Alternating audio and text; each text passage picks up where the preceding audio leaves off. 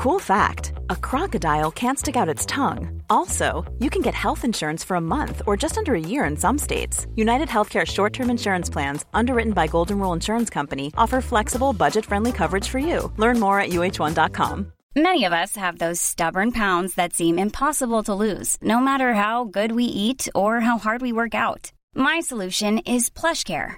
PlushCare is a leading telehealth provider with doctors who are there for you day and night to partner with you in your weight loss journey. They can prescribe FDA-approved weight loss medications like Wagovi and Zepbound for those who qualify. Plus, they accept most insurance plans. To get started, visit plushcare.com slash weight loss. That's plushcare.com slash weight loss.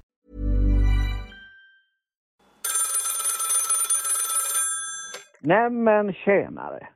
Du har precis börjat lyssna på ett avsnitt av Bröta på. En väldigt göteborgsk historiepodd.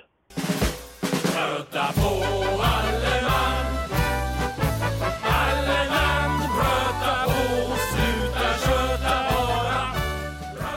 Aldrig, Christian Wedel, trodde jag att den dagen skulle komma när jag skulle få se dig sitta med ett sånt här gaming-headset på dig. Det är som att eh, se en 1700-talsstaty på ett ravefest. Det, det är gammalt och nytt som möts. Jag tycker det är väldigt härligt. Visst är det fantastiskt? Eh, Vi sitter ju på varsitt håll. Jag sitter Ja. på hissingen och jag har lånat eh, min sons gaming-headset för att genomföra denna, denna inspelning. och eh, du sitter i någon sorts garderobsliknande arrangemang i Fastlands-Göteborg om jag har förstått det rätt. Eh, det har du förstått rätt. I Majorna, ja precis. Omgiven av lite kuddar och saker. Och det, ja, jag ska se till att det kommer en bild till alla som vill se dig i gaminghörlurar, För jag är inte säker på att vi får göra det snart igen. Nej men precis, vi måste spela in på håll nu. Det är lite tråkigt. Men eh, vi gör som rekommendationerna säger. Det gör vi, men i gengäld så har vi något ganska roligt att snacka om idag. Vi ska ju nämligen prata om göteborgska vandringssägner. Jag tycker att det är underbart. Ja men det är helt fantastiskt. Man vet ju inte var man ska börja eller sluta eller någonting. Men det man vet är att bröta på måste komma ut. Eh, coronavirus och annat till trots. Och herregud, Ja, vandringssägner. Vi skyr inga fantastiskt ämne. ansträngningar för eh, lyssnarnas båtnad och välbefinnande. Eh, men det, det, det första vi behöver reda ut är ju det här vad en vandringssägen är. Alltså, jag satt lite här på hissingen och funderade över, över detta. För det första så måste ju en vandringssägen den måste ju vandra. Alltså, det är många som måste vilja berätta den här historien. Och sen Ja, måste precis. man ju kunna tro på den också, eller hur? Ja, absolut, absolut. Det måste finnas trovärdighet. Eller, jag skulle säga, du, du sa precis så här, man ska vilja tro på den. Det är inte samma sak som att den nödvändigtvis är trovärdig. Det kan vara att den är trovärdig, men det kan också vara att man känner, jag önskar att den är sann. den ska, vara, den ska klara sig så bra att man i alla fall så länge berättelsen berättas kan, eh, kan tycka att den är rimlig. Men i den bästa av världar så är ju en vandringssägen vattentät i den meningen att den är, att den är svårkontrollerad och man ska liksom inte riktigt eh, komma åt den. Eh, jag vet att eh, för, för många år sedan, det är ju så att om man, är- om man är journalist så har man ju eh, per definition råkat ut för många vandringssägner och ibland har man haft sån otur att man har, att man har gått på dem själv. Ehm, eh, när jag var ung reporter så blev jag en gång lurad av en svensexa där själva, själva svensexan gick ut på att man skulle lura en tidning att eh, den här stackars brudgummen att han hade sprungit från Paris. Och detta eh, lyckades Oj. de alldeles utmärkt. De ringde mig, de hade arrangerat en följebil som stod vid Götaplatsen och den var full av alla pizzakartonger och kartor och han skulle ha sprungit från Bryssel, eller förlåt, Bryssel, det var antingen Bryssel eller Paris, jag minns inte, men nerifrån, Ja. någonstans ner från kontinenten. Och Mm. i själva verket så hade han ju då sprungit från Pauls bagerier i Högsbo Ah. och det hade han nästan inte klarat. Eh, Jag svalde detta med hull och hår och eh, det publicerades sen rewrites i 8-10 tidningar. Och ett par år senare så fick jag höra att eh, de tyckte att jag hade svalt detta så väl att de antog att jag var liksom en del av konspirationen. Men det var det inte. Jag blev helt enkelt lurad. Nej men Christian, ja det var Så tråkigt det. Så, att ibland, så höra. ibland blir man lurad. Men det var i alla fall, de hade ju Ja. gjort det här, de hade skapat den vattentäta historien. De hade svar på alla frågor. Eh, De Mm, hade, de hade, framförallt hade de pizzakartonger som bevis. de hade pizzakartonger, de hade stadskartor, eh, de hade anekdoter om hur jobbigt det var att ringa från Amsterdam och sådär. Så att det, fanns, eh, det fanns hela allting som en god lögn behöver, hade de. Ja, och vill man inte heller ändå vara en person, även om det såklart är pinsamt att få höra att man har gått på någonting, så vill man väl ändå hellre vara en person som fortfarande tror på livets små mirakel och att en bra historia kan hålla, än att gå runt cyniskt och granska allt i sömmarna. Så jag, jag tänker att tråkigt för dig Christian att den blev rewritad i så många tidningar, men också ta med dig det att du ändå har en, en, en bra fantasi det var ju ändå så att det var ju, eh, jag har aldrig fått så mycket beröm den sommaren när jag var ung vikarierande kvällstidningsreporter som när jag gick på den där finten. Så att egentligen så har jag, har jag bara fått, eh, har jag bara, bara goda erfarenheter av det här. Ja, vad skönt. Nu tappade jag nästan tråden här för att när det gäller de här vandringssägnerna, de här göteborgska vandringssägnerna, så är det ju så här att när en berättelse liknar andra berättelser, när man har hört många av samma typ, då kan man misstänka att den inte är sann, eller hur? Så är det absolut. Absolut. För du, du, nämnde ju, du nämnde att du hade hört lite historier om eh, sådana här profiler på gatorna i Göteborg. Ja, precis. Alltså, det, det, eh, på 90-talet, om man var ute, särskilt i Vasastan, så fanns det en man som cyklade runt med en blinkande keps och sålde rosor. Eh, mannen kallades därför för Rosros efter vad han utbrast eh, och, och, så köpte man rosor av honom. Eh, och han var ju en liten udda figur i stadsmiljön, precis som, eh, om vi nu ska kalla dem föregångare, Evald exempelvis, som ju var tidigare, eller Älgen, eh, original som såg slogs runt Brunnsparken och, och ofta var hemlösa. Eh, eller man visste inte så mycket om dem i alla fall. Och om alla de här, i alla fall Evald, Elgen och Ros Ros, så gick det ju myter om att de var ju i hemlighet mångmiljonärer. Alltså de hade så mycket pengar. De bara liksom gick runt och såg hemlösa ut, alternativt sålde blommor på gatan för att det var deras höga nöje. För att de var så omaterialistiska, men i själva verket var de miljonärer. Och det där är ju tyvärr en grej som jag också har hört berättas om original i stadsbilden i typ varenda stad i hela världen tror jag. Det finns jag, skrev, jag skrev om, om uh, Köpenhamn för ett par år sedan. Det berättades exakt samma historier om mm. uh, originalen Nyhavn, att de egentligen var stenrika. Och det du naglar fast och fint här är ju att det måste ju finnas en kittling i den här vandringssägnen. Det måste finnas uh, pengar var det i det här fallet. Det kan vara mm. kärlek, det kan vara död, det kan vara någon slags dold mekanism som påverkar oss alla göteborgare utan att vi egentligen vet om det. Och jag ska väl också säga inom parentes om en av de här eh, originalen du nämnde, nämligen Evald, att jag tror mig med säkerhet kunna säga att jag läste att han faktiskt hade en del pengar. Så att det, han var kanske ett sånt där undantag då. Ja, gärna för mig. För min del så hoppas jag att de allihopa är miljonärer. Ja, det hoppas vi ju. Man hoppas mm. ju att vandringssägnen är sann. Eh, den, det ska väl sägas också att den eh, vanligaste göteborgska vandringssägnen, nämligen sägnen om det påstådda kaféet i Malmska valen, har vi ju faktiskt synat tidigare i denna podd, nämligen i avsnitt 7. Så det, det, den, den kommer vi lämna därhän, den kommer vi alltså inte ja. prata om idag. Och jag undrar om du skulle tillåta mig att göra ett litet skutt till 1600-talet. Du vet att jag är lite svag för detta. Alltså Christian Wedel, att få se dig iförd din sons gaming-hörlurar göra ett skutt till 1600-talet är kanske det jag längtar efter allra mest just nu. det är bra. Jo, det är nämligen så här att när, när Göteborg byggdes så var det en massa holländska konsulter på plats. Och en av de här familjerna hette kabeljau. Eh, vi har det svenska ordet kabeljau, det är ett slags fisk helt enkelt. Det är en ah, fisk, kabeljau, ja. det kabeljau. säger man fortfarande i Holland. Kabeljau. Det, det gör man säkert. Det är väl en slags, mm. slags torskfisk eller vittling eller så. Mm.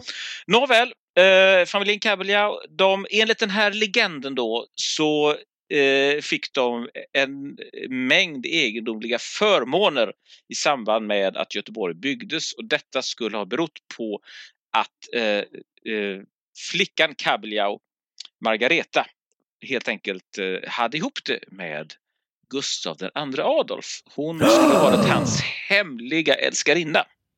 Oj, snaskigt! Vi börjar direkt Vi börjar där och vi, observera att här finns ju då både, både kärlek och pengar och kanske Ja. också den här dolda mekanismen som, som gav familjen Kabeljau eh, någon typ av katapultartad eh, framgång. Så skulle man kunna- Mm. Illuminati. Ja, precis. Och då, då, då säger den, den uh, tråkiga och kritiska historieskrivaren i mitt bakhuvud att det skulle mycket väl kunna vara helt, helt tvärtom, nämligen att familjen Kabeljaus framgångar ledde till att de rörde sig i miljöer där den här eh, dottern Margareta faktiskt fick möjlighet att träffa Gustav II Adolf. Mm. Så, så skulle det ju också kunna vara. Jo, jo. Så att, men, men det är ändå så här att det, det känns betryggande att, att det finns vandringssägner långt bort i 1600-talet, i alltså Göteborgs första ögonblick. Det, det, det känns som om Göteborg därmed kan göra anspråk på att eh, vara om inte vandringssägnernas hemort på jorden så har i alla fall vandringssägnerna en, en god plats i Göteborgs historia. Ja, ja, men det tycker jag är väldigt skönt att veta. Men hur var det då? Hur det var? Jo, Ja. eh, jag, har, jag har kollat detta på morgonen och eh, till min oförställda förvåning så gick jag in i Svenskt biografiskt lexikons ganska torra tirader. Det är alltså en, ett uppslagsverk som eh, eh är oändligt mångordigt, torrt och korrekt och där man faktiskt eh, bekräftar att eh, Gustav Adolf fick en son med den här Margareta Kabeljau. Så det finns en, eh, en, Va? en pojk som föddes 1616 och som sen kallades för greve Gustav Gustafsson av Vasaborg. Eh, Det, det, det är alldeles riktigt. Eh, Så, Åh, så att, eh, Gud vad härligt! ja, visst, Va- va- visst är det bra. Och det Men fick folk reda på när de levde, alltså de vanliga kött och potatisgöteborgarna, eller ja, det var ju inget kött, de vanliga sill och potatisgöteborgarna Ja. på 1600-talet, fick de reda på det här snasket tror Ja, du? Eller fick jag- de leva i okunskap? Jag undrar om de fick reda på det. Och sen så, men sen Mm. kände jag också, jag kände lite indignation å den här eh, Margaretas vägnar. Därför att en sak är ju att vi gör ett roligt radioprogram och kallar henne för Gustav Adolfs älskarinna, men att hon i Svenskt biografiskt lexikon eh, har rubriken eh, Margareta Slotts, det var det namn hon sen hade, Mätress. Ah, Det, det känns, känns ändå lite hårt ja, att eh, det 400 gör år senare eh, bära epitetet mätress som ju ändå är lite ringaktande till sin karaktär. Det får man ändå säga, får ja. man ändå säga. Eh, och eh, vi talades ju vid här från, från varsitt håll precis före, före sändningen och då sa du gladlynt att du inte hade något material från 1600-talet alls och sen började du omedelbart tala om Röda sten. Och då, Ja, just hur det. är det med det Ja. nu? Är vi inte där? Ja, men hur är det med Röda sten? Det finns ju hur många olika varianter på den här historien som helst. Eh, och den kändaste är väl att det typ är en dansk sjökapten som högg ihjäl någon. Var det inte så?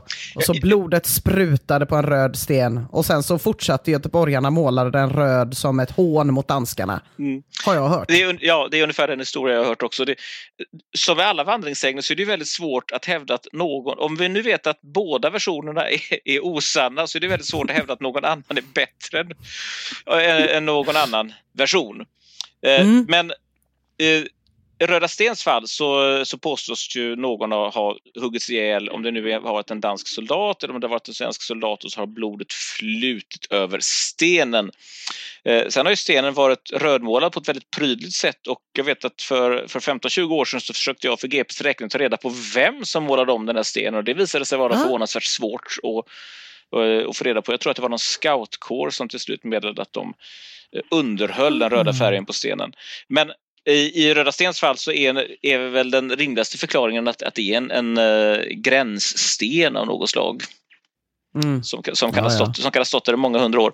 Men, men Jo, jo. eh, det är, är icke, icke desto mindre är ju Röda Sten en, en maffig eh, Göteborgsberättelse och en, en del av liksom, vårt, vårt Ja. gemensamma minne av, av berättelser och lögner och vandringssägner som Och man vill oss. ju så gärna att den ska vara sann, för att Röda Sten är ju nu ett väldigt Mm. stort område med ett väldigt stort hus. Liksom. Röda Sten är ju någonting alla känner till. Och alla vi som har sett den röda stenen vet ju att den är ju väldigt liten. Och det tilltalas man ju av, att Mm. någonting så litet kan ge så stora konsekvenser. Så det Mm. hoppas man ju att det stämmer. Det hoppas det. Vi hoppas innerligt det. Och eh, eh, nu ska vi inte eh, perforera eh, det här programmet med eh, historiska exempel. Men det finns ändå ett exempel från 1700-talet som är så konstigt. Och skälet till att det är konstigt är att jag som är redaktör för det här Göteborgshistoriska materialet i Göteborgs-Posten har märkt att folk fortfarande går omkring och är förbannade på grund av den här vandringssägnen. Oh. Och eh, det är till och med så här att man, eh, man, man nästan kan få onda ögat en förmiddag på landsarkivet. Och eh, ordentligt arga mejl. Och det, i korthet är det så här att eh, det var ju en Ostindiefarare, alltså ett fartyg som hette Göteborg och det gick på grund år 1745. Och då hade man varit ute och på väg till Kina, man hade varit i Kina, man hade kommit tillbaka och den här resan hade pågått i 29 månader och 29 dagar. Och när de bara hade sådär två timmar kvar så brötade de på grund på ett grund som heter Hunnebådan och så förliste ju fartyget. Den här historien är välkänd för alla göteborgare. Mm. Och eh, det konstiga är ju att det här grundet är antagligen det mest kända grundet i hela Göteborg och det är fullständigt obegripligt hur ett fartyg eh, med så mycket kompetent personal kan gå på Göteborgs mest kända grund efter två och ett halvt år i fint väder. Och då Ja, är... det är verkligen konstigt alltså. Visst, Det visst är det verkligen. Ja, det är konstigt. Det är Det är, som att man konstigt. skulle gå till Poseidon och hoppa i och förvånas över att man inte får simma där. Alla Ja. känner till de här sakerna. så, så är det ju. Och det som då har naturligtvis har satt de här historierna, eller historien ska jag snarare säga, i, i, i rullning är förstås att det fanns massor av kompetent personal i Göteborg som lyckades bärga betydande delar av det här godset. Alltså de, de eh, lyckades bärga mycket porslin, de eh, lyckades kanske rädda en del te, det var väl huvudsakligen te ombord och Mm. kort sagt, de fick upp så pass mycket och det fanns också någon typ av, av försäkring för fartyget som ledde till att det trots allt blev en ganska god affär. Och i samma ögonblick som någon noterar att det blir en god affär så undrar man förstås om man avsiktligt skulle ha ställt fartyget på grund. Mm. Om man, Illuminati igen. Just det. Och då, och då fick jag tidigt höra en historia som eh, antydde att lotsen Kaspar Mattsson skulle ha varit mutad att ställa fartyget Göteborg på grund och att han sen enligt berättelsen skulle ha dragit sig tillbaka i ett misstänkt välstånd på någon Ja. av öarna i Göteborgs skärgård. Eh, denna berättelse har jag inte hittat någon som helst eh, bekräftelse på någonstans, men jag har hört den flera gånger. Och för ett par år sedan så eh, presenterade eh, Världens Gångs sjöfartsskribent tillsammans med arkivarien Kalle Johansson på Landsarkivet fascinerande data som visade att det finns ett fenomen som heter dödvatten. Eh, där helt enkelt man, man förlorar kontrollen över fartyget eftersom vattenströmmar helt enkelt strömmar i, i, i älven eh, för båten i en riktning som man inte har kontroll över. Men detta har jag aldrig hört talas om. Nu är jag inte någon stor seglare, det är jag inte, Nej. det ska gudarna veta. Men att dödvatten, något som jag aldrig har hört talas om, plötsligt skulle slå in just då, vid just den platsen. Jag är benägen till att spela in en sån här YouTube-konspirationsfilm. Jag känner, nej, Ja, nej, och då kan, man, då kan man säga, nu, nu tänker jag inte eh, utveckla den här dödvattenteorin eh, vidare, men det intressanta var ju att när vi, när vi skrev om detta eh, lite krumelurbetonat i Göteborgs-Posten så hörde det av sig åtskilliga läsare som var oerhört upprörda.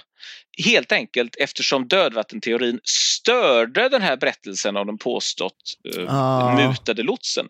Så att här fanns det alltså en vandringssägen från 1700-talet som fortfarande väckte känslor och det tyckte jag var, jag, ty, jag, tyckte, det, jag tyckte det var alldeles fantastiskt. Ja, men det är det ju. Låt folk ha sina mutade lotsar i fred. Lite Ja. så känner jag. Men, ja, men det är kul att folk än idag... För det finns ju också lite mer aktuella vandringssägner man skulle kunna gå och försvara. Men man vill ha kvar dem från 1700-talet också. Man vill bara möla i sig vandringssägner från alla håll och kanter. Vil- Vilka, eh, nu ser jag här, jag kan ju nämligen se dig här via, via dator. Du har, det ser hotfullt ut, du har tagit upp ett enormt kollegieblock eh, eh, med, med På- anteckningar här. Eh, och du undrar På vad tal genast, om, Vad är om det- vandringssägner som vad är det för vandringssägner? Ja, men det finns ju vandringssägner som folk verkligen vill tro på. Och kanske en av de kändaste och mest göteborgska måste ju vara det här om pingviner som stjäls i Slottsskogen. Eller hur Christian? Oh ja. Det går ju om och om och om och om igen. Eh, alla göteborgare känner med säkerhet någon som känner någon som har stulit en pingvin i Slottsskogen på fyllan, vaknat upp på morgonen och haft en stor minneslucka ända tills de har sett pingvinen och kommit på vad som har hänt och återlämnat den. Enligt människor som jobbar med pingvinerna på Slottsskogen, och de här människorna har ju fått svara på det här som klockverk lite då och då, eh, om det har stulits några pingviner, så finns det inga dokumenterade fall av att pingviner har stulits, men det är klart att folk lämnar tillbaka dem så går väl det. Det som var lite spännande var ju 2015 när en anonym källa, Hasse, för första gången gick ut och sa det var jag som stal ping- en pingvin. Han sa att eh, han lämnade tillbaka den eftersom den skitade ner så mycket hemma. Bodde i en etta med en liten dusch. Den skrek och gapade på mig. Det sa han då till Direktpress Göteborg. Och pingvinskötarna säger att nej men jag är inte så säker på att även om vi har nu en anonym källa som säger att han har snott pingviner att det stämmer. För att pingviner är tydligen små muskelpaket, alltså jättestarka oerhört omobila och deras eh, eh, näbbar är som en sekatör. Så att om man inte har vana vid att hantera pingviner så är chansen att man får med sig en hem på fyllan väldigt liten. Men jag tror jag har hört från ja, men minst fem olika håll personer som på allvar hävdar att någon de känner har snott en pingvin i Slottsskogen. Det, det, eh, jag har ju hört den historien från åtskilliga håll också. Och jag tycker att du har fångat ganska väl alla de här eh, komplikationerna. Jag har ju, precis som du, har jag ju kontaktat personalen i Slottsskogen som hävdar att det i princip är omöjligt att stjäla en pingvin. Du måste ha någon som jobbar heltid bara med att svara på den frågan. Ja, ja, oh ja de, de, de, och de eh, var lite matta i pälsen eh, faktiskt när jag, när jag kollade. Jag har kollat den vid två tillfällen. Men det, det, jag, för, för ett par år sedan när jag, när jag, jag skrev ju om detta i GP just i samband med att den här den mystiske så kallade Hasse hade framträtt eh, i, eh, var det Göteborg Direkt? eh, där han hade Eh, ja, direktpress, det är Ja. väl samma sak tror jag. Ja. Och, och jag är tvivlande. Jag måste säga att jag undrar om det inte är så här att det är någon som, som spelar oss ett spratt.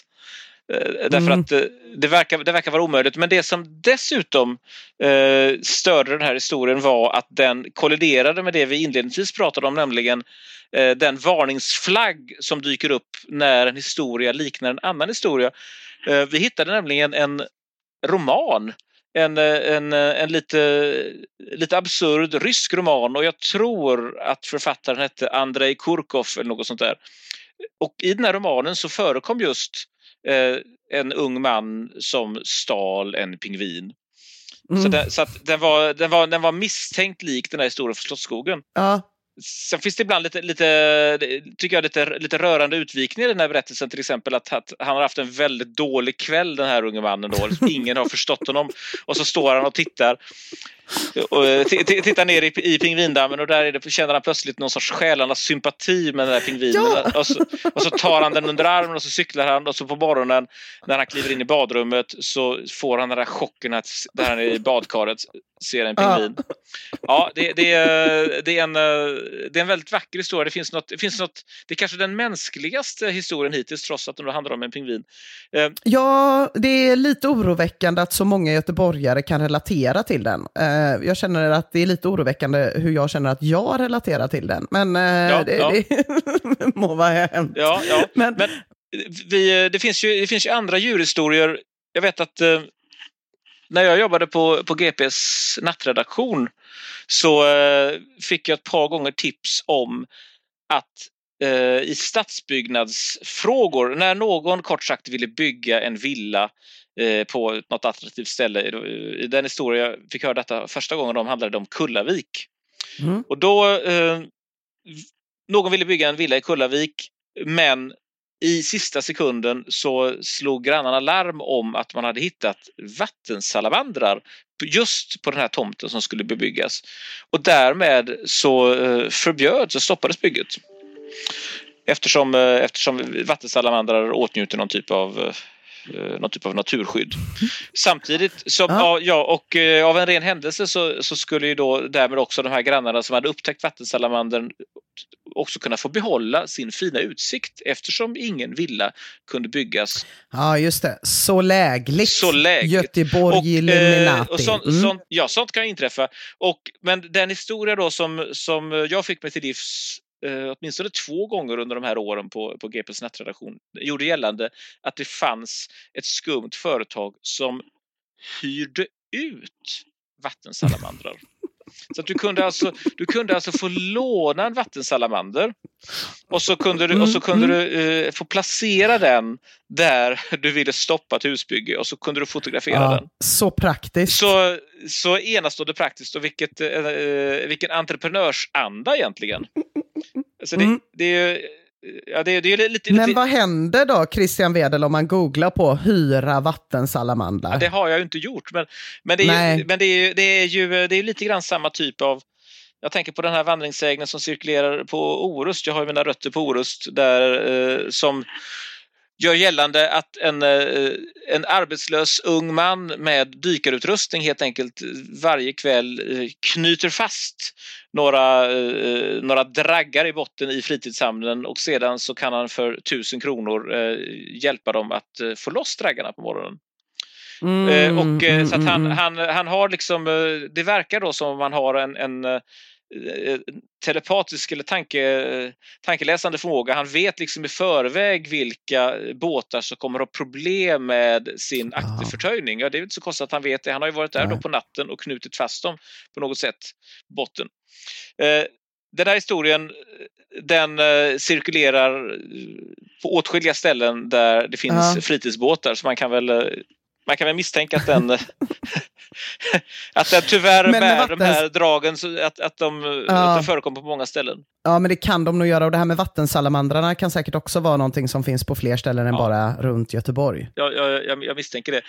Um, ja. Men, men uh, vi, uh, vi talade ju precis innan vi satte igång här om, om, om vi, hur vi skulle kunna förhålla oss till de typiskt göteborgska vandringssägnerna. Alltså, många av dem vi har pratat om här ja, precis. Alltså, kanske den mest göteborgska, eller en väldigt, väldigt göteborgsk i alla fall, den handlar ju om Poseidons penis. Ja. ja. Jag vet inte om det är en vandringssägen eller om det är dagens sanning, men att Carl Milles då eh, gjorde Poseidon i ett lite annat utförande från början med en mer, eh, låt oss säga proportionerlig penis, eh, men att ehm, Eh, det var olika borgarkvinnor i Göteborg som blev alldeles till sig och generade och tyckte att det här, vi kan inte ha en penis av den här storleken mitt på Götaplatsen, det går bara inte.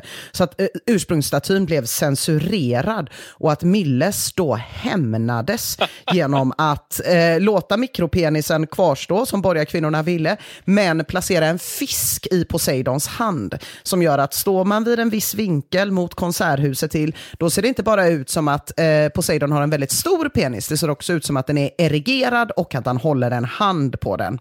eh, ja. Det stämmer ju, att står man på ett visst ställe vid Götaplatsen så ser man ju det. Eh, huruvida Milles verkligen gjorde det väl uttänkt som en hämnd, det har inte jag kunnat få reda på om det stämmer. Nej. Så då tänkte jag så här, då väljer jag att tro på det man, man, kan väl säga så här att det, det, den är ett intressant exempel. Eh, dels för att den är så underbart göteborgsk. Eh, och, men, men också därför att den, det finns vissa aspekter av berättelsen som faktiskt stämmer. Eh, det, för det, det, man först ska klarlägga det är ju att det har, det har aldrig stått någon annan Poseidons skulptur på Götaplatsen. Eh, och, men däremot så är det, är det sant att det har funnits reaktioner på att överhuvudtaget ha en, en naken havsgud på Götaplatsen. Men, men med, med de anatomiska detaljer som finns där idag. Så att jag menar eh, o, oavsett hur det förhåller sig med storleken så har själva nakenheten i sig väckt upprördhet. Så, att- så att det, det, det stämmer. För att kunna liksom motbevisa att detta skulle kunna ha hänt, Ja. då skulle man ju vara tvungen att vara inne i Carl Milles hjärna. För allting handlar ju bara om, för att de facto så ser det ju ut som att Poseidon Ja, håller ja. i en väldigt stor erigerad penis om man står på ett visst ställe. Och de facto så var nakenheten eh, på Poseidon, oavsett penisstorlek, ett problem. Så. Att, så länge vi inte kan tränga in i Milles medvetna och ta reda på hur det ligger till, så Nej, nej men det, det är riktigt, men det, det, jag, det, jag, det jag menade var här att, att vandringssägnen har lånat ett, eh, ett element från den, eh, från den verkliga berättelsen, nämligen att det fanns en upprördhet över Poseidon så som den faktiskt ser ut idag. Sen Mm. finns det ju inga, det finns inga belägg så vitt jag vet för att Eh, Milles har eh, gjort det här sprattet eller spelat göteborgare det här sprattet. Sen är historien rolig då. Men det som jag tycker är allra finast är ju att den här, den är typiskt göteborgsk i så motto att den är lite burlesk. Den kan för icke-göteborgare eh, framstå som en rent vulgär historia. Och där vill jag hävda att göteborgare är liksom kalibrerade lite grann på ett annat sätt. Och eh, nu får eh, historikerna vid Göteborgs universitet eller på Stadsmuseet, eh, nu får de sätta kaffet i vrångstrupen, men jag skulle vilja hävda på allvar att det här är en del av en göteborgsk tradition ända från 1600-talet. Göteborg har varit vilda västern, har varit en eh, på, he, på ett helt annat sätt än Stockholm, en sjövild stad, en stad där mängder av intryck och kulturer och berättelser har blandats. En stad med dueller och fylleri och papegojor och pirater med träben. Kort sagt, en stad. Och det här, det, det finns, det går att se detta i, eh, i rena data, i demografiska tabeller och så. Göteborg har alltid varit en, eh, en kökkenmödding av olika kulturer och uttryck. Och det, Göteborg har det alltid varit högt till tak. Kort sagt, mm. historierna i Göteborg har alltid varit grällare och färgstarkare och kanske kan de för en pimpinett stockholmare uppfattas som vulgära men för oss är det helt enkelt vårt naturliga sätt att, uttrycka oss. Så för oss är det inget märkvärdigt med en Nej. historia om eh, Poseidons snopp. Det, det Nu ska, du dessutom få, nu ska du dessutom få grällt och färgstarkt så det stänker om det. Ja, jag lyssnar. Okej. Ja, det Bara, bara, bara du min- går i linje med min hypotes här. Ja, absolut, självklart. Ja. Det här är en personlig favorit. Ja. Eh, Jag har sedan barnsben fått höra att det finns ett legendariskt tv-klipp från Järntorget som är gjort en sen natt på 70-talet. På Järntorget vid den tiden så låg ju Pustervik, inte där Pustervik ligger idag utan lite på en bakgata. Kallades eh, i folkmun för Röva. Ja, Vilket naturligtvis ledde till att dörrvakten på Pustervik kallades för hemorrojden, för att han stoppade ju, höll emot röva. Så, så långt är allting sant. Jag har också hört att vid Eh. något tillfälle så, så talades det om att BK Häcken skulle bli delägare i restaurang Röva. Och vad glada göteborgare blev. Ja, Eh, dessutom så låg där det idag ligger ett ställe som heter Järntorgets brygghus, men om vi vill backa bandet ännu mer, apotek, apoteket Svanen låg länge, ett nattöppet apotek. Eh, de, om man går in på Järntorgets brygghus och tittar i taket så är det fortfarande kvar eh, takmålningar med svanar som är väldigt vackra. Själva guldsvanen som fanns där ligger numera på apoteket på Prinsgatan i fönstret, kan man också gå och titta på. Hur som helst, det stället kallades i folkmun för Fetta. Det är bakgrunden. Det sker en skjutning på Pustervik på 70-talet sägs det. Och det sägs att det vittnesmål som tv-nyheterna som kastade sig till Järntorget för att prata med folket på plats var av en berusad man utanför Järntorgets brygghus som sa "Äh, det small ju till i röva när jag kom ut från Fetta. ja det, det, är, det är en sagolik historia. Har du, Visst är eh, den sagolik? har du, har du, eh, du har inte hittat det här klippet antar jag? Jag har inte hittat Nej. klippet och det är värre än så Christian. Jag har inte hittat skjutningen. En Nej. skjutning på en nattklubb i Göteborg på 70-talet, den blir omskriven. Ja. Och det finns minsann tyvärr inte någon någonting skrivet om en skjutning på Pustervik eller Röva på 70-talet. Däremot så finns det ju en skjutning på en helt annan krog vid Grönsakstorget. Eh, där det var en värnpliktig som inte blev insläppt och gick in med automatvapen och sköt ägaren och ytterligare en person. Den finns ju väl dokumenterad. Ja, absolut. Det, här, det är ju ett, eh, det är ett känt skottdrama här på den här klubben som jag tror hette Gustavus Adolphus. Där finns en, att det har funnits ett sådant skottdrama, det är alldeles sant. Ja, och det, det är ju så väl dokumenterat, så självklart hade ju också liksom ett, ja. en skjutning på Pustervik blivit dokumenterad. Så att jag vet inte vad det här om att det small till i röven när jag kom ut från Fetta kommer ifrån. Nej, men jag har hört kan... det från flera håll. Däremot så kan man ju notera att den som, eh, den som då har, har, har skapat den här historien, um, och ofta är det ju flera led, har, har ju ändå vinnlagt sig om att göra den trovärdig. Det är ju så här att för, för att det här ska leta sig in i tv så måste det ju vara direktsändning. Och det går nästan inte att tänka ja. sig en direktsändning eh, från restaurang Gamla Röva i något annat sammanhang än att något extremt har hänt. Mm, eh, mm. Och, och, det är klart att för annars så skulle, så skulle man, ha, skulle man ha, ha klippt ner detta. Men när vi nog ändå... Ja, det när, var tråkigt. Ja, när vi, när vi, när, men vi, eh, jag menar så länge, så länge vi inte har hittat klippet så, så kan vi väl, eh, kan vi väl hålla, hålla hoppet uppe. Eh, det, det, men jag, ty, jag, tycker också att det finns ju någonting som vi inte har talat om och det är ju eh, det som kanske egentligen inte är vandringssägner men som är ska vi säga, fördomar om Göteborg, alltså berättelser om Göteborg som är en del av, av vårt allmänna medvetande men som mm. inte är sanna. Um, jag, jag, till exempel så är det så att om man pratar med, med äldre och medelålders göteborgare om, om eh, det göteborgska industriarvet så, så tecknas nästan alltid en bild av, av en tungt slamrig metallindustristad. Eh, men om man, om man tittar på Göteborgs industrihistoria så var det ju huvudsakligen eh, på 1800-talet dominerat av bomullsspinnerier och eh, på de här eh, fabrikerna så var det näppeligen de här skäggiga metallarbetarmännen som jobbade utan det var, det var i väldigt hög grad kvinnor och barn. Och så att på något vis så är, så är, så är ju berättelsen om Göteborg som den, den eh, liksom eviga, tunga, trygga metallarbetarstaden inte riktigt sann, eller åtminstone så var den sann under en ganska kort tid. Eh, ja. jag, jag sitter och brottas liksom med den typen av historia, även en, för att ta en, en lite en, en, mindre krånglig berättelse är ju historien om dimman i Göteborg.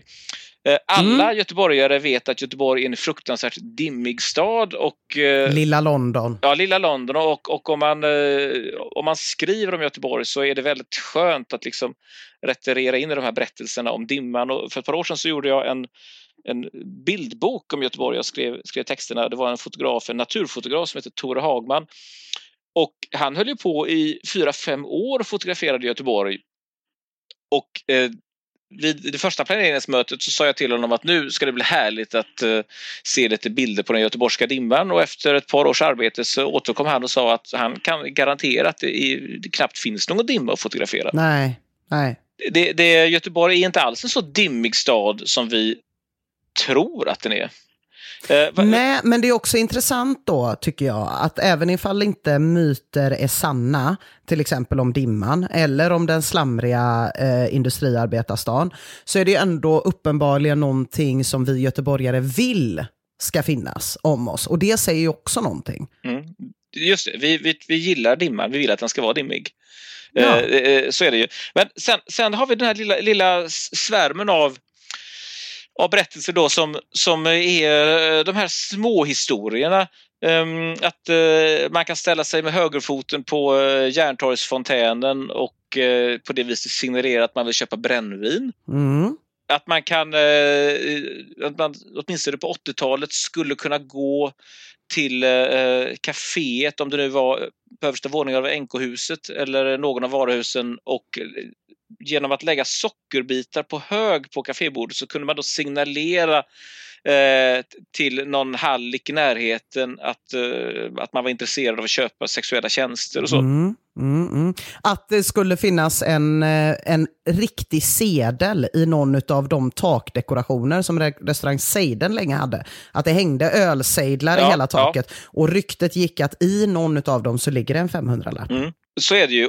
Sen, sen händer det ju också ibland att eh, om, menar, om en vandringssägen verkligen, eh, verkligen får vingar så kan de ju bli självuppfyllande. Eh, jag vet ju inte hur det förhåller sig med den här brännvinshistorien till exempel i Göteborg men däremot så, så eh, har jag hört att på, någon gång på 70-talet så skrev Expressen att eh, man kunde köpa automatvapen på Sergels torg i Stockholm. Och det var då kanske egentligen inte riktigt sant eller, eh, eller i alla fall en, en, en väldigt hårdragen historia. Men eh, det här innebar ju att folk som var intresserade av att köpa automatvapen sökte sig till Sergels torg och folk som hade automatvapen att sälja förstod att det uppenbarligen fanns kunder där. Så småningom så skulle då enligt den här berättelsen en, en handel uppstå. Och det är klart Ja, att... men det var ju som när vi pratade här om avsnittet om göteborgska slagsmål, Ja. där det var ett eh, bråk på Liseberg som var väldigt överrapporterat någon gång på 50-talet. Men det ledde ju till att dagen efter så blev det ju superstort bråk på Liseberg, för då hade ju alla läst i tidningen att det var där det var bråk. Ja, precis. precis att, att, man, att man då, att någonting blir själv, självuppfyllande. Och, eh, Mm. eh, och nu vill jag ju inte uttrycka mig ringaktande alls om kollegorna på Expressen, så jag vill, vill ju säga här med stark reservation att det här är historien som jag har hört den och vet Ja, inte mm. alls med säkerhet om den är sann. Men det finns ju sån här, eh, en, ett knippe, liksom en, en vacker liten bukett av såna här göteborgska historier. När, när, när, ehm, när jag var barn så cirkulerade berättelsen om att eh, en, eh, en, en, en stressad småbarnsmor som hade fyllt familjens soptunna. Hon hade helt enkelt eh, tagit några sådana här trådiga, använda riktigt proppfulla, läskiga barnblöjor och så hade hon lagt dem i en, eh, i en förpackning som hade rymt en fabriksny mikrovågsugn. Och så hade hon eh, ställt den eh, på gården i väntan på att på att sopgubbarna skulle komma och då hade naturligtvis hela den här lådan som ju var, hade den där rätta tyngden hade just stulits. Så att eh, Mm. Dunder, och Blom har då, har då snott eh, 15 stycken välanvända blöjor i tron att de har stulit en mikrovågsugn. Mm. Eh, Det, det, och jag skulle gissa att den den typen av sedelärande historia, för den är ju lite sedelärande, att Ja, tjuven får sitt straff precis. på något sätt. Va? Ja, nej precis. Då, där någonstans så känner man ju så här, då funkar det lite för bra. Den hör, den hör liksom till allmängodset. Ja, alltså det, det är ju det här med historier att, att eh, vissa utav dem, jag kan känna så här, det gör inte mig så mycket om någon snodde de där blöjorna eller inte. Nej. Jag kan liksom leva i vetskapen om att det har aldrig hänt, det är helt okej. Däremot har jag väldigt svårt att leva i vetskapen om att Milles inte ändå ville sätta dit eh, folk som tyckte att det var opassande med den här penisen. Så att jag tänker att med vandringssägner att det är lite som en buffé där man liksom har sitt kött och potatis, det kanske är sanningen på något sätt. Och sen får man väl krydda på med lite det man tycker är gott. Ja, Och, och vet du vad som glädjer mig när vi Nej. har hållit på att prata om allting som inte stämmer? Ja. Det är att Paddanbåten, att den har faktiskt blivit stulen tre gånger av berusade ynglingar som har bara dratt till havs och fått blinkallade. Det finns det polisrapporter om och det tröstar jag mig med. Senast var ju inte ens särskilt länge sedan. Jag tror det var typ eh, 2005 eller något sånt där. När de fick igång det här gänget tidigt en morgon någonstans eh, på väg mot Marstrand fast de hade kommit till Brännö. Alltså det tycker jag är härligt. Men Ja. eh, det är klart att det hade gärna fått hända någonting mer i de historierna. du, jag ska säga, detta kan jag intyga för jag var med, eh, inte på båten men däremot, så, däremot som nyhetsreporter för jag skulle nämligen skriva om den här stölden. Och det fascinerande var att eh, när, när man då skulle försöka göra texten lite matigare så eh, ringde jag runt till, eh, till lite, lite sjöfolk för att helt enkelt eh, få dem att säga att det här var ett, var, var ett fruktansvärt dåligt omdöme och de kunde ha dött och, och, och hur, hur, kan det gå med fartyg i, med en paddabåt i farleden. Det var nämligen så att de här unga männen de hade ju snott båten och var, hade nästan lyckats köra till Vinga med den. Oh. Men, men, men, det roliga var att det var helt omöjligt att hitta någon sån här eh, sjöfartskunnig sjöbjörn som kunde förmås att fördöma detta för de sa i stort sett allesammans att ja, det var ju väldigt dumt att stjäla båten. Men vilket sjömanskap! Tänk att klara det. Det, det, var, det fanns liksom en, det fanns en beundran som var, som, som, som, var fascinerande. Eh, men jag, jag tänkte det att vi har ju, som mig som skrivit mycket om historia, jag har ju ofta råkat på berättelser som man skulle kunna kalla berättelser om den, om den hemlige gode fursten. Eh, och i, i, i svensk tappning så handlar det till exempel om att Karl XI på 1600-talet ska ha gjort eh, lite hemliga resor i Sverige och så ska han ha eh, träffat på någon, någon bondfamilj och sett då hur folket lever på riktigt. Och det är klart att det som driver de här berättelserna är ju att om livet ter sig allmänt eländigt, om eh, makten ter sig eländig och förtryckande så vill man gärna tro att det är inte, åtminstone inte är kungens fel. Överst, allra, allra överst så finns en kung eller en kejsare eller en tsar som egentligen vill alla väl men som kanske då blir manipulerade av onda rådgivare eller så.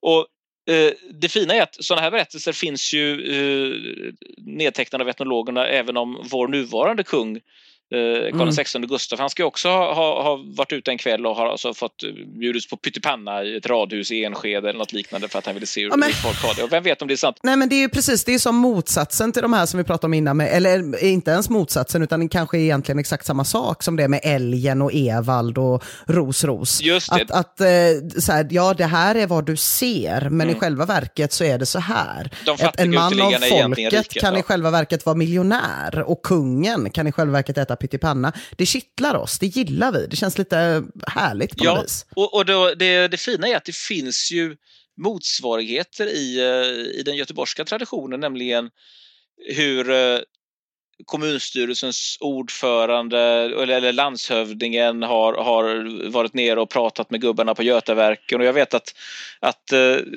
man kunde också få höra lite grann sådana här historier om att Göran Johansson när han var kommunstyrelsens ordförande. Det var, och det var säkerligen berättelser som var sanna.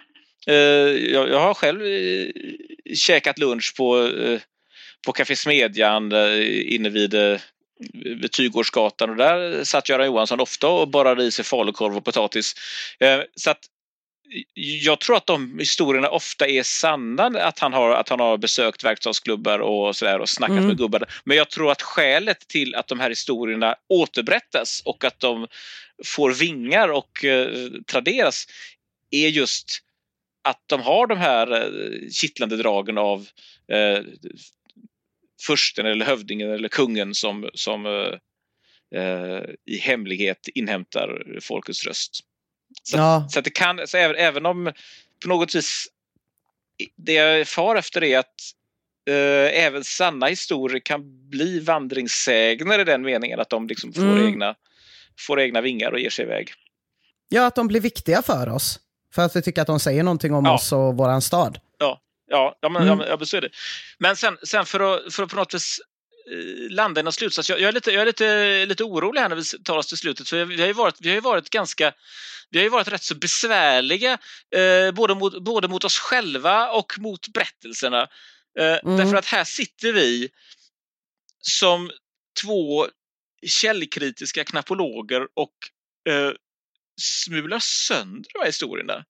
Ja, det är ju helt fel. Helt fel. Visst är det galet? Uh, ja. Hur, ja, du vet ju själv, du, när, när, du sitter och drar en sån här historia inför, uh, inför dina 80 närmaste vänner.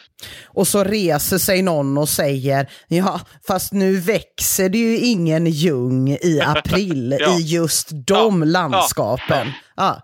Då är det ett säkert sätt att aldrig mer bli bjuden på fest ja. och komma med sådana invändningar när någon drar en bra historia. Ja. Så gör man bara inte. Så att nej, vi har ju suttit här och eh, hängett oss åt någonting som jag tror att vi båda innerst inne föraktar ganska mycket. Oh ja. Det vill säga att försöka slå hål på en god Göteborgshistoria. Ja. Vad är det för något? Nej, det, det, jag ska säga, hela premisserna för eh, det här programmet, nämligen att smula sönder goda berättelser, är, är djupt omoraliskt. Så därför ja. är det viktigt att vi, vi avslutar nu med att eh, säga till eh, kretsen av lyssnare att ni under inga omständigheter får bedriva denna källkritiska idrott i, på kalas eller hemma eller inför vänner.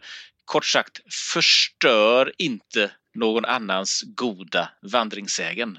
Låt den flyga vidare. Bra talat. Ha det så fint så hörs vi om en vecka allihopa. Ha det gott så hörs vi. Hej! Hej hej!